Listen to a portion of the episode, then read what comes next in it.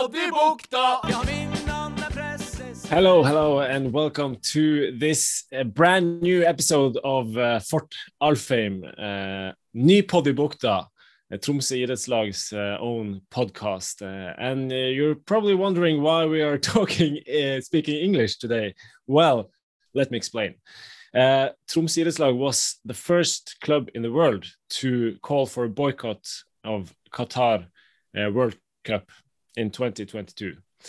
And one of the reasons behind that was uh, an article in The Guardian, uh, which uh, explained the horrible conditions of migrant workers uh, in Qatar. Um, and uh, one of the journalists uh, behind that article is coming to as a guest to this podcast today, Pete Pattison and he is not uh, speaking Norwegian, so we have to do it in English.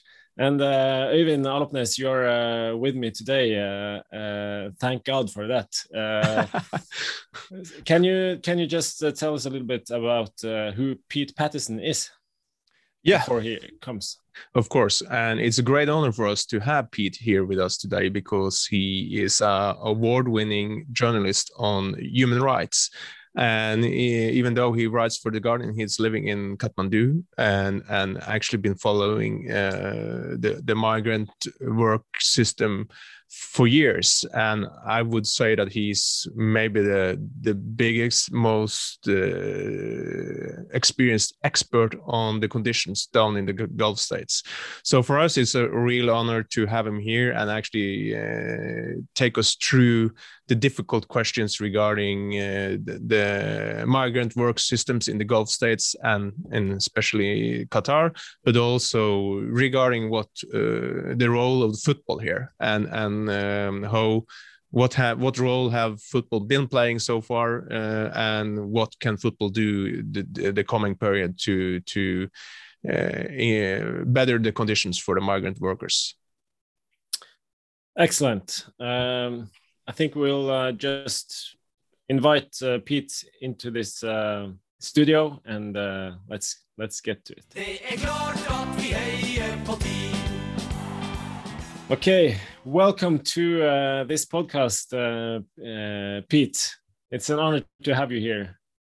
It's a pleasure to be with you. Thank you for inviting me. Thank you very much.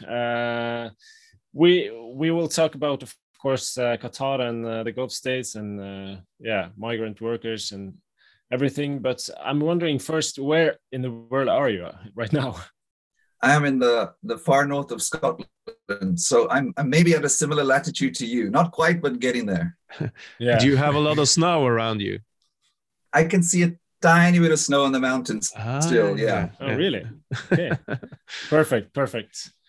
So we'll go go uh, straight to it. Um, of course, uh, you know uh, a lot about this, and you you probably know a lot more than than us. But but my first question is: we know that the Gulf states have a long history of of uh, yeah having a system of uh, migrant workers uh, using migrant workers to to build infrastructure. so my question is, what why why is it like this, and and can you explain to us how this works? So obviously, the Gulf states are uh, both very wealthy and very ambitious, and so they have gone on a very big building spree in the last 10, 20 years, uh, not just in Qatar, but also uh, obviously in the UAE. Uh, Saudi has grand plans to develop at the moment. And they are surrounded by many countries that are very different, very poor, uh, Nepal, Bangladesh, Pakistan, countries in, in, in East Africa. And so the logic has always been uh, they will import cheap labor from these countries and use that cheap labor to help with their development.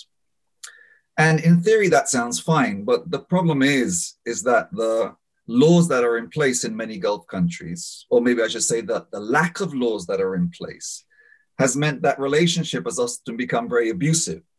And rather than using cheap labor uh, as a means for development and repaying that cheap labor with good wages, uh, very often that cheap labor has been exploited and they have ended up in very difficult and very abusive working conditions and living conditions.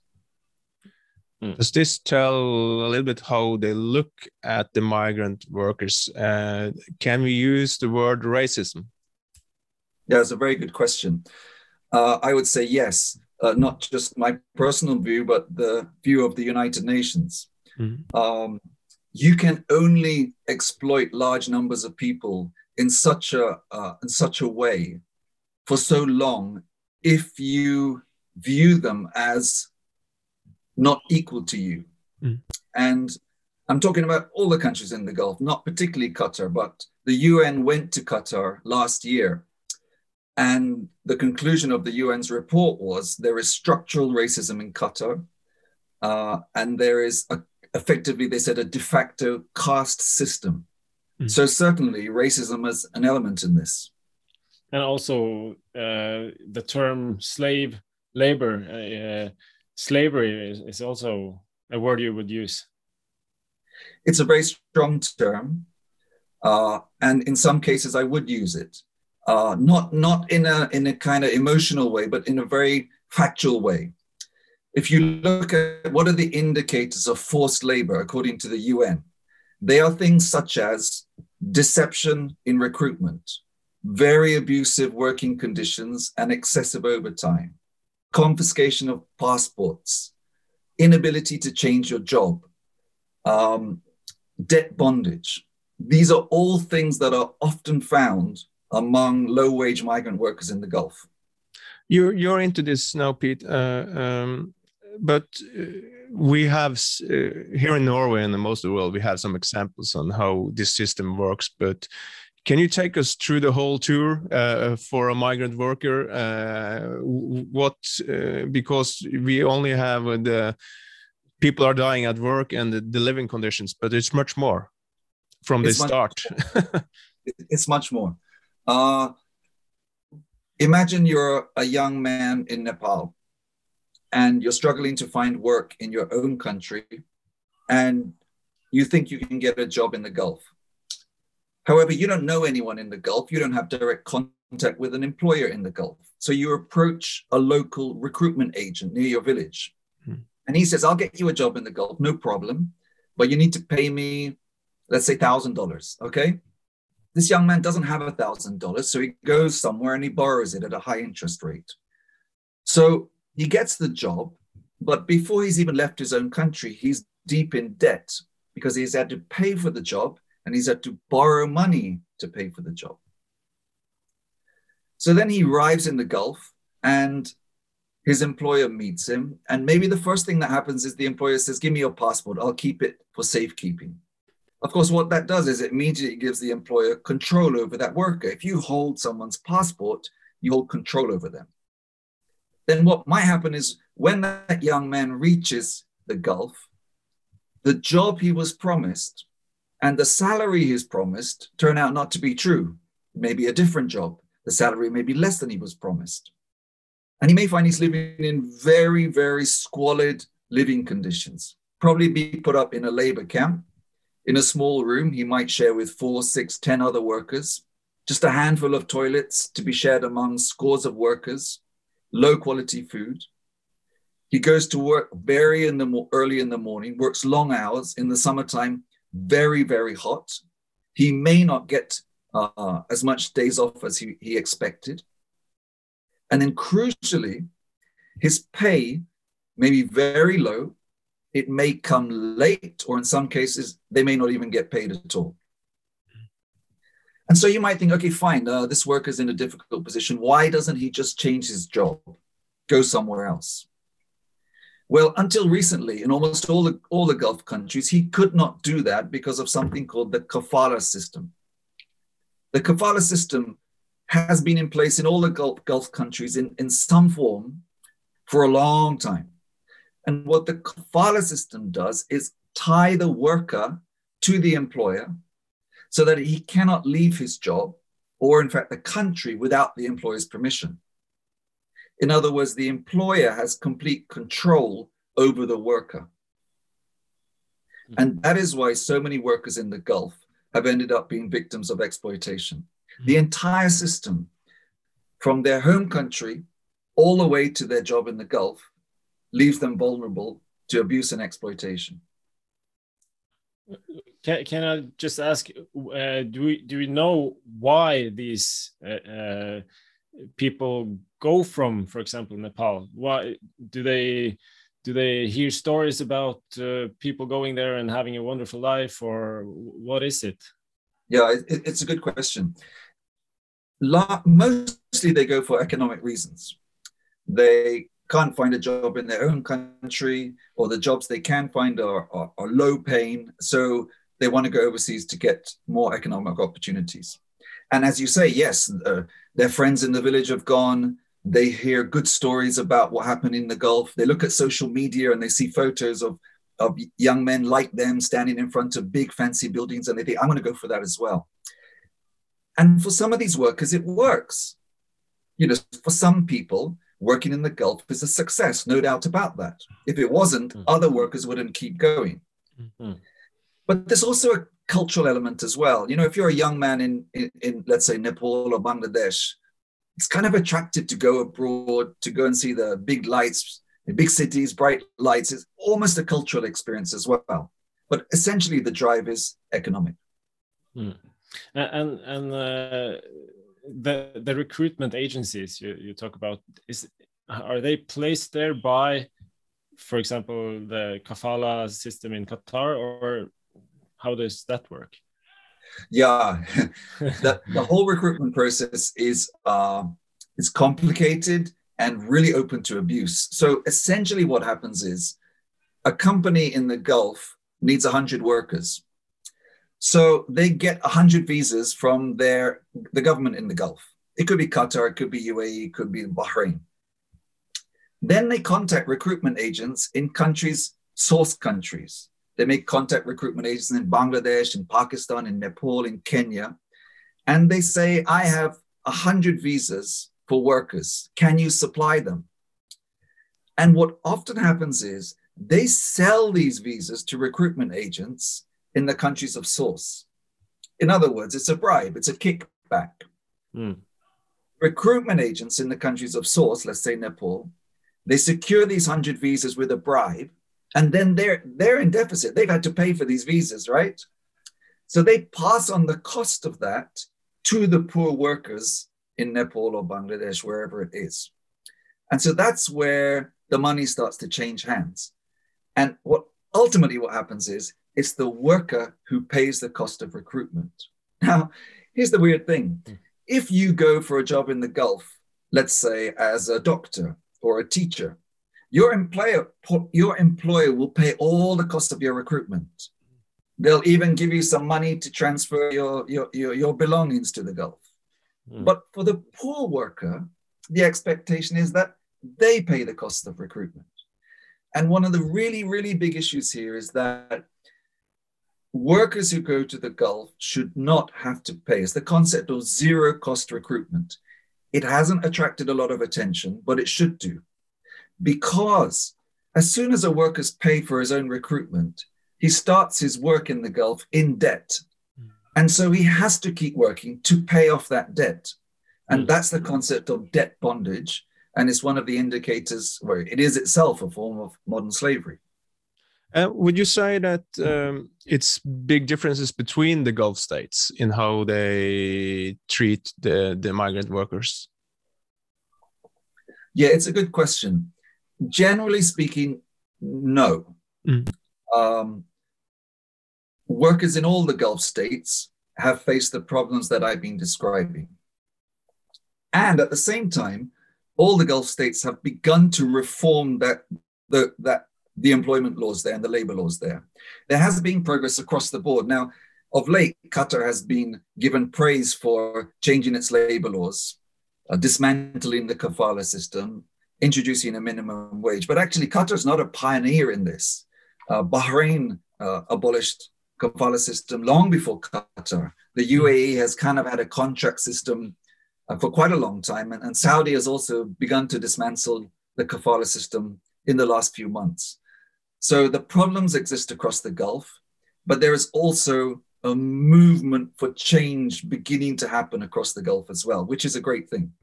If you look at, because uh, of course, due to football, uh, the, the what happens in Qatar has been a big uh, media, newspaper, TV uh, story here in Norway for the last months. And since we, as a club, went out and asked for a boycott, uh, it's been a huge thematic here in, in Norway. And and if we look at Qatar right now, how would you describe uh, the situation in Qatar right now? Can't give one answer. Mm. Uh, although it would be simple to, but it doesn't tell the real picture. Uh, two important things are there, I think. First of all, not all the migrant workers in Qatar are low wage workers. I would say about 20% work in kind of white collar jobs, right? Mm. And then the experience of those low wage workers themselves changes depending on what type of work they're doing. And specifically in relation to the World Cup, workers who have been employed directly on World Cup, for example, World Cup stadiums, are generally being treated better than workers who are employed in smaller projects not directly related to the World Cup. That does not mean workers employed in World Cup construction projects are, are, are, uh, not having any problems. They are. And, and frankly speaking, anytime I have gone to Qatar or other gone, journalists have gone to Qatar and talked to workers involved in World Cup construction, it's not difficult to find ones who are facing problems. Mm. Uh, but it's also fair to say World Cup workers, those directly involved in World Cup projects, generally are under better working conditions than other workers. But it, it might maybe be wrong to say that still this is aren't good conditions. It's even it's better, but it's not good conditions. They are. Yeah, yeah. absolutely. This is a really really important point. Mm. People are kind of praising Qatar for dismantling the kafala system, for introducing a minimum wage. But this has happened after the vast majority of World Cup construction has been completed. Almost all the stadiums are finished. Mm. Almost all the hotels, the transport infrastructure, the rail system, the uh, airport, they've all been finished. So this, these reforms are, are too little too late. Whatever happens, the World Cup in Qatar has been built on the back of the kafala system. You cannot change that. It's too late for that. And I, I want to flag up one thing that's really, really important. If you talk to workers, I mean, people who are concerned about these issues, you know, talk about slavery, they talk about kafala system, and so on and so on. From the workers' point of view, this is based on my interviews with workers. From the workers' point of view, the only thing they really care about is their salary. Mm. If they are paid a good wage and they are paid on time, they will put up with a lot of bad treatment just because the salary matters to them. And even on World Cup projects, the salary has been very, very low for lots of workers. The new minimum wage that has been introduced and put in place from March of this year works out at one euro an hour.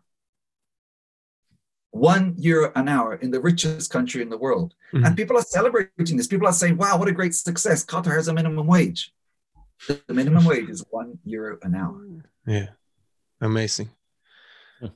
Um, and and uh, of course what um, since it's been a debate here in norway and, and and you have not been following our debate but the general debate regarding qatar uh, and and we were into it now but it's been uh, many reforms that's has come there since 2015 the domestic workers law um, uh, no more than four workers per room, labor commitments, uh, fines and jail for stealing salaries, a non discriminating new minimum wage, which we were talking about now, the removal removal of kafal, kafala system, new law to protect workers during the heat in summer months, and ratification of a cent- of two central human rights agreements. This is kind of what people are saying that we why we shouldn't uh, go uh, well when we ask for a, for a boycott this is, are the arguments we have back that uh, a boycott won't help because look at what we have achieved so far.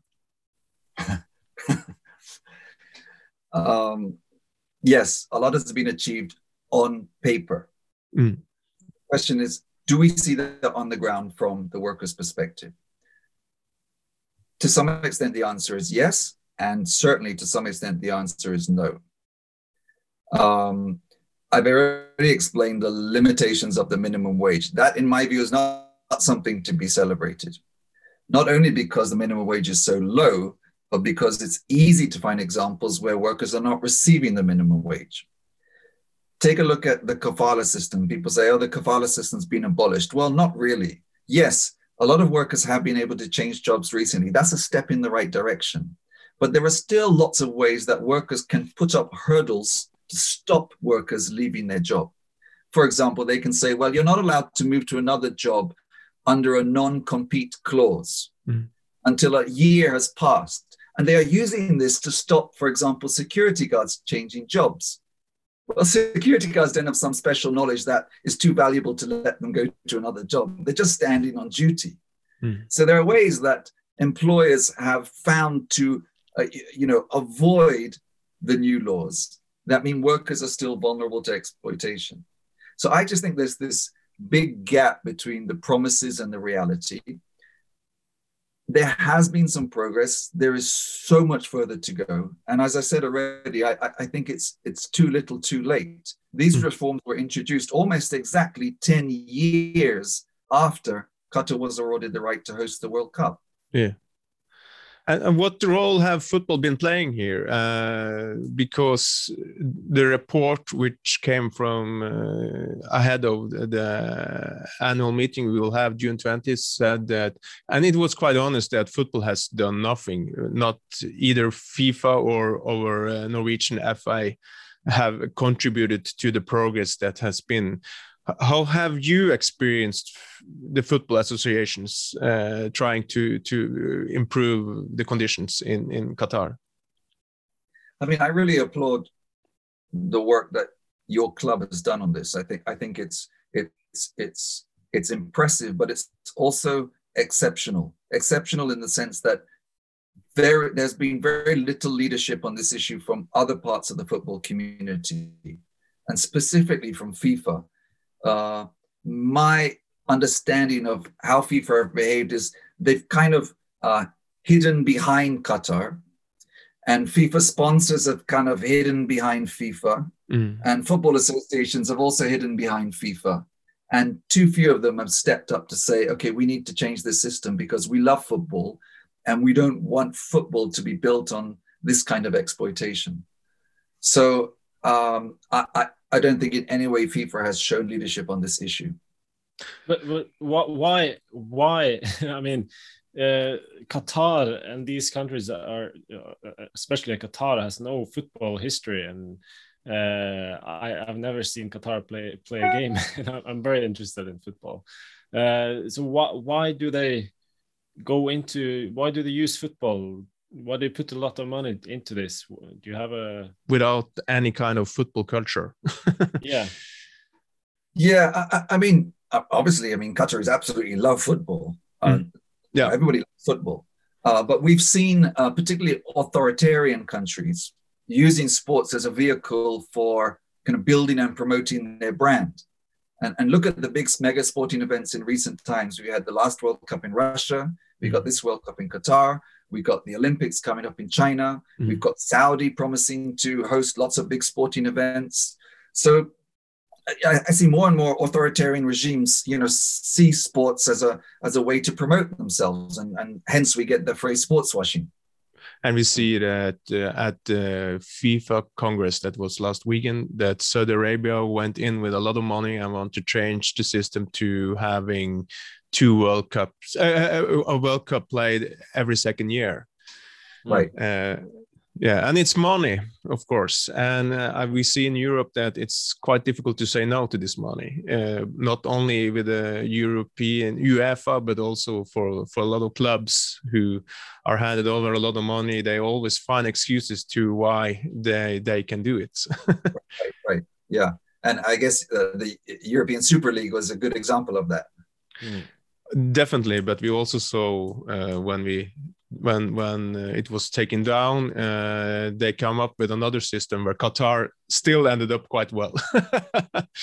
uh, so so it's it's really difficult actually to to be involved and trying to make a change in this because also when you had the Super League, we saw that um, here uh, politicians, our prime minister, our uh, sport minister, quite fast went out and say stop this boycott this. Uh, and then you have the world cup in qatar which is quite the same but uh, just worse. And they don't want to say anything. They just say that this is something where football have uh, football have to solve this themselves. And the only thing we can see is that the, the, the, the reason why is that they it's easier to attack rich club owners than to attack the the the state of Qatar because of course also there Norwich Norway has huge interests when it comes right. to money.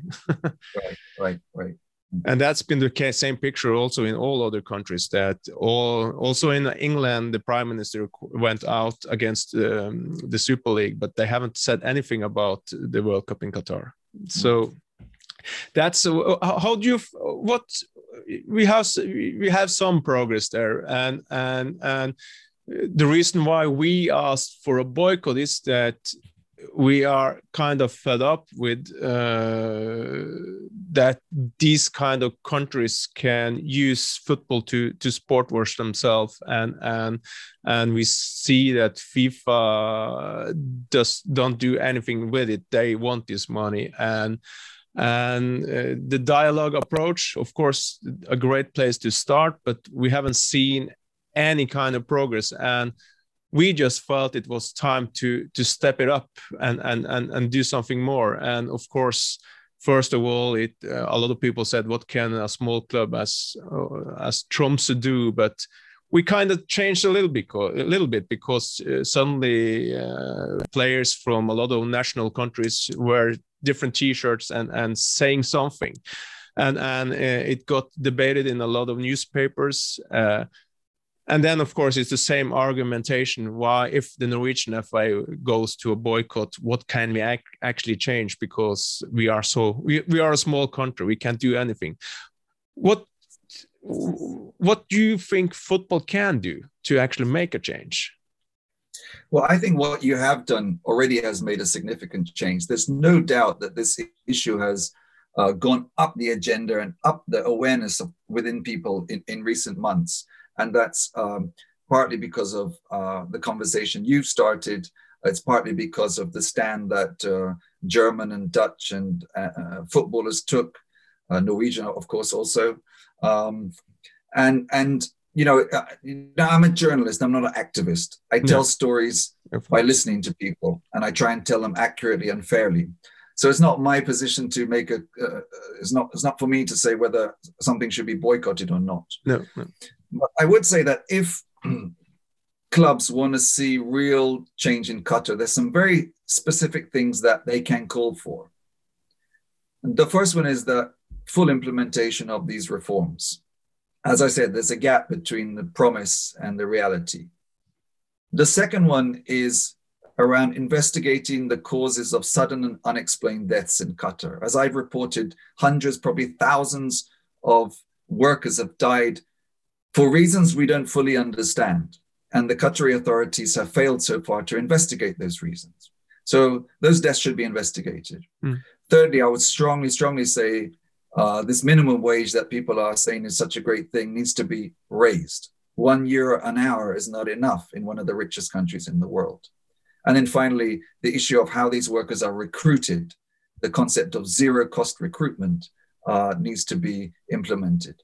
So these are four big areas that uh, would make a huge difference to the lives of hundreds of thousands of workers. And they're very specific things that football clubs could, could start a conversation around and start demanding. How do you look at? There are a lot of organizations, human rights organizations, and union organizations working in Qatar right now. Uh, how do you this?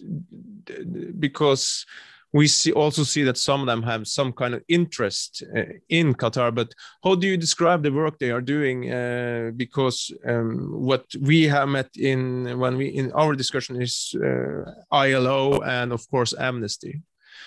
Uh, are they the reason why we have changes there now? Uh, let me go back in time just a little bit. I'll try and explain briefly. Yeah. Qatar was facing the threat of a UN inquiry into forced labor uh, back in 20, uh, around 2014, 2015. They were very, very worried about this. It was going to look really bad for them if the United Nations investigated Qatar for forced labor. And so they agreed a deal with the UN International Labour Organization and uh, the International Trade Union Confederation for a three year project that would see an implementation of labor reforms. And as part of this deal, the threat of the UN inquiry was removed. And so for the past three years, the ILO and to some extent this international trade union have worked closely with the Qatari authorities to introduce these reforms. The problem, as I see it, is that as part of this process, these trade unions and the ILO have, have become very close to Qatar. It's almost like Qatar has brought them are under their arms, and they now are almost spokespeople for Qatar. Mm. And so I do not believe they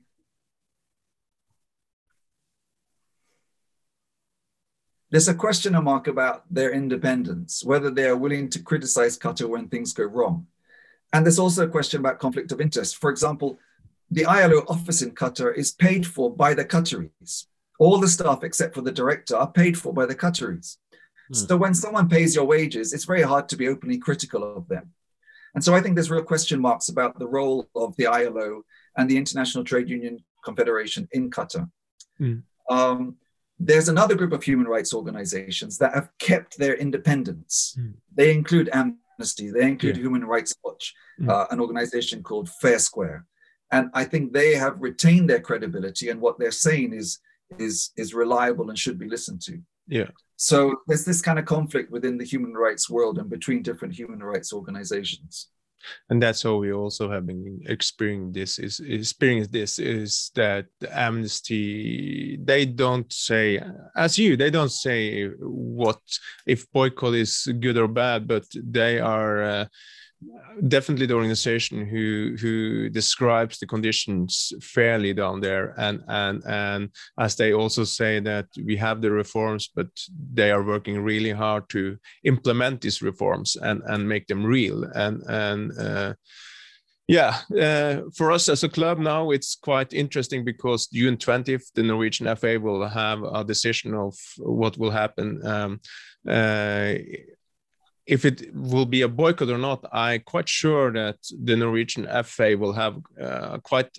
much pressure pressure on them uh, to actually do more uh, in, the time that's in the time to come. And for us as a club, that's the most important. That uh, that something more will happen, and that and one thing is Qatar, but also for us, if you don't if you look away from uh, the human rights, but also the sport washing that uh, we, we, probably we will not stop the World Cup in Qatar, but um, the but FIFA need to look different on this in in in in the future, and and who can actually hold the World Cup. They need to have their papers correctly before they can get the World Cup, and uh, so we don't have to do this kind of work all the time. It ends up in Russia, China, or or in Qatar.